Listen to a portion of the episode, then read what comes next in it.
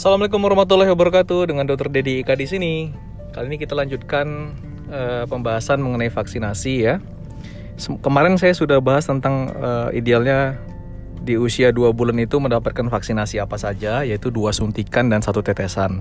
Kita akan bahas satu-satu. Yang yang pertama adalah masalah pemberian uh, vaksin pentabio atau hexasim atau infantrix ini total pemberiannya adalah lima kali yaitu pemberian wajib selama tiga kali kemudian booster dua kali. Wajibnya itu kalau pentabio itu dia diberikan uh, pada usia uh, 2, 3, dan 4 bulan. Tapi kalau Infantrix atau Hexasim itu diberikan 2, 4, dan 6 bulan. Nanti boostingnya sama boosternya itu di usia 18 bulan dan usia 5 tahun. Nah, booster ini artinya penguatan. Kenapa dikuatkan? Karena uh, imunitas, kadar imun kita itu antibodinya bisa turun gitu. Jadi tidak begitu disuntik bukan berarti dia digaransi akan kebal sampai seumur hidup, bukan begitu, tapi titernya bisa turun. Dari mana taunya? Ya, dari penelitian-penelitian yang sudah dilakukan ya. Ternyata antibodi itu kan bisa dilihat dari sel darah kita. Maka jika kita menyuntikkan misalnya vaksin DPT yang ada tetanusnya, pertusis dan difteri, nanti akan dinilai kadar titer antibodinya. Ternyata faktanya begitu disuntikkan maka terba maka terciptalah antibodi ya antibodi ini titernya ternyata turun seiring waktu. Makanya harus dilakukan suntikan yang berkala ya, berulang. Nah, jadi bukan satu kali untuk seumur hidup, tidak. Contohnya untuk ini ya, untuk vaksin DPT, pentabio atau Infarct Hexa itu kan ada komponen tetanusnya ya. E, di sini kalau misalnya kita e, disuntik pada dua bulan pertama, itu nggak ada artinya, belum ada uh, belum ada efek antibodinya terhadap tetanus khususnya. Saya akan bahas singkat karena kalau difteri pertusis tetanus itu kan ada komponen tetanusnya ya di pentabio maupun di infantrix. Jadi suntikan dua bulan pertama itu belum ada perlindungannya. Nanti di usia di status imunisasi T2 yaitu pada saat disuntikan yang pentabio atau infantrix hexa atau hexasim yang yang kedua ya yaitu di usia 4 bulan itu punya garansi perlindungan terhadap tetanus selama 3 tahun. Setelah usia 3 tahun dia nggak kebal lagi. Nah, begitu. Kemudian nanti di pada saat status imunisasinya T3 yaitu pada penyuntikan vaksinasi di usia 6 bulan untuk infantric hexa ataupun uh, apa namanya hexasim atau di penyuntikan di usia 4 bulan untuk pentabio ya itu dia dia mampu melindungi memberikan imunitas anak untuk tetanus sampai usia 5 tahun. Hanya sampai 5 tahun. Kemudian nanti setelah di booster, nah di booster itu di usia 18 bulan sama ya, baik pentabio maupun hexasim, itu akan memberikan, jadi status imunisasi terhadap tetanusnya sudah T4, akan memberikan lama perlindungan sama 10 tahun. Nah, selama 10 tahun. Kemudian nanti di di lagi di usia 5 tahun. Nah, itu sudah memberikan perlindungan selama 25 tahun atau seumur hidup. Nah, begitulah kira-kira prinsip dari vaksinasi. Dan itulah alasannya kenapa beberapa vaksin itu tidak diberikan sekali suntik saja ya kayak BCG itu BCG itu sekali suntik tapi efek perlindungannya lama. Karena dia sistem imunnya lebih lebih kompleks lebih lambat dan sistem imunnya uh, ingatnya lama. Nah gitu. Tapi tidak tidak semua penyakit seperti itu ya. Seperti kayak tetanus kan yang seperti saya bilang dia butuh sering diingatkan sehingga bisa sehingga kita bisa mempertahankan kadar antibodi di dalam tubuh dalam jangka waktu lama.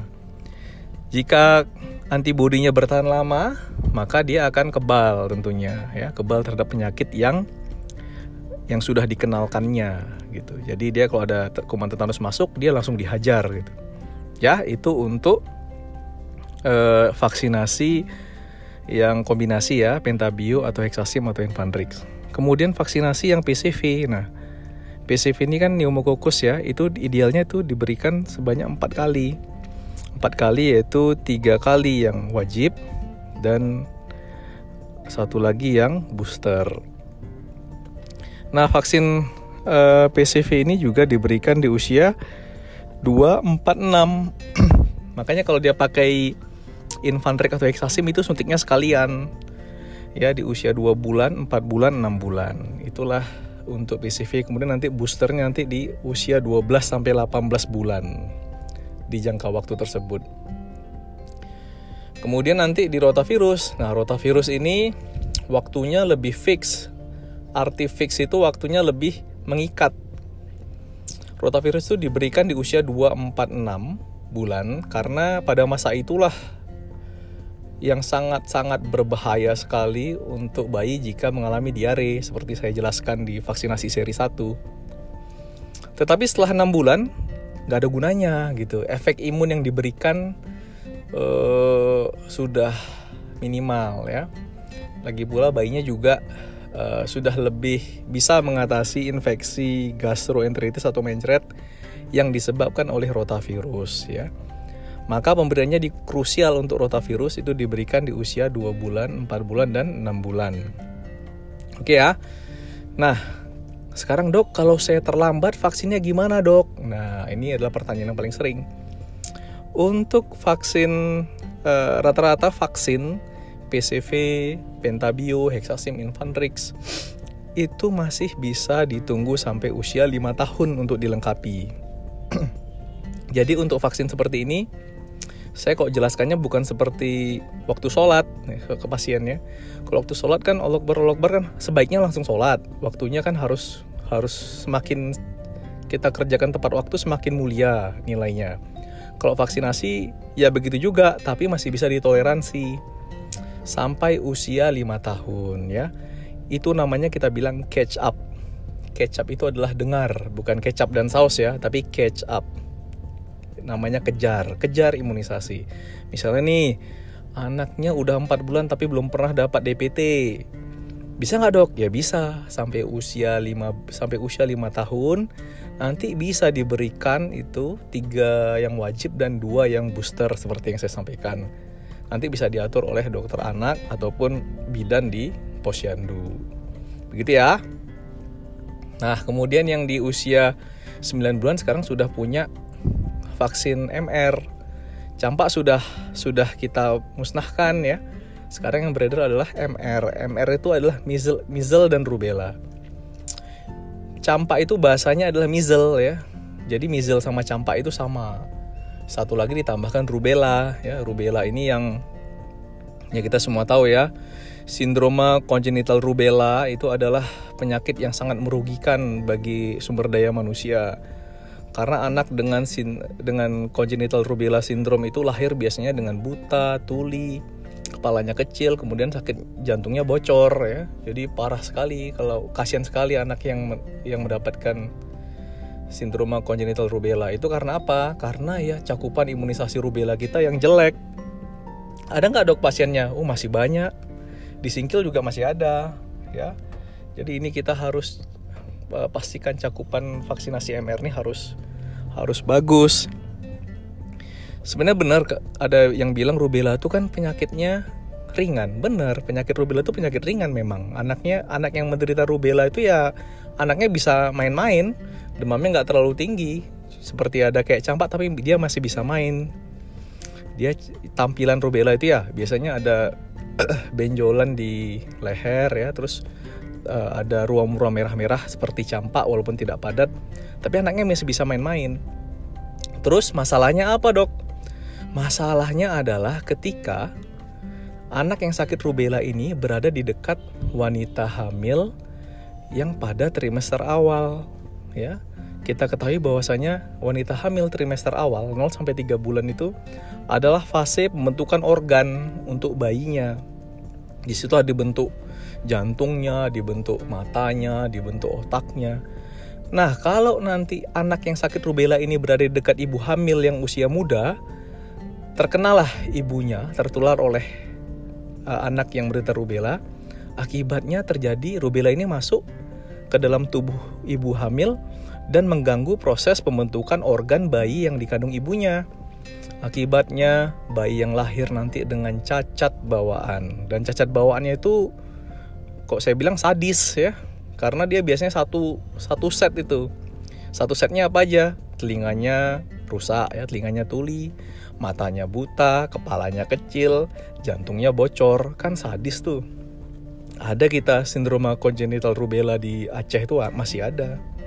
Makanya itulah pentingnya vaksin MR ya. Jadi vaksin MR itu dia diberikan di usia ini ya mulai 9 bulan ya mulai 9 bulan kemudian nanti diulangi di booster di usia 18 tahun dan usia 6 tahun boosternya. Jadi sekali wajib dua kali booster ya 9 bulan 18 bulan dan 6 tahun.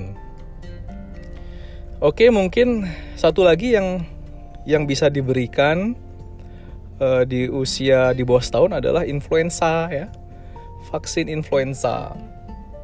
Vaksin influenza ini karena era COVID-19 sekarang uh, mungkin diharapkan mampu juga memberikan kekebalan terhadap uh, anak ya, tapi secara tidak langsung namanya serokonversi.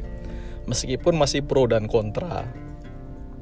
Kenapa? Itu kan kalau vaksin kalau influenza itu kan virusnya H1N1 ya. Kalau corona kan SARS-CoV-2 ya sama-sama virus tapi kadang eh, kadang-kadang kalau uh, penyakit influenza ini ini memperberat infeksi COVID-19 makanya jadi virus vaksinasi virus influenza ini diharapkan juga diberikan kepada anak ya. Karena kalau influenza tuh tumpang tindih sama covid sakitnya jadi lebih berat gitu ya. Jadi dia memudahkan influenza ini memudahkan kerja covid lah gitu ya nah influenza ini diberikan tuh setahun sekali ya. Bisa mulai diberikan dari usia 6 bulan. Kemudian nanti ada lagi vaksinasi yang di atas tahun kemudian di atas 2 tahun. Saya akan bahas di sesi berikutnya. Sampai jumpa. Assalamualaikum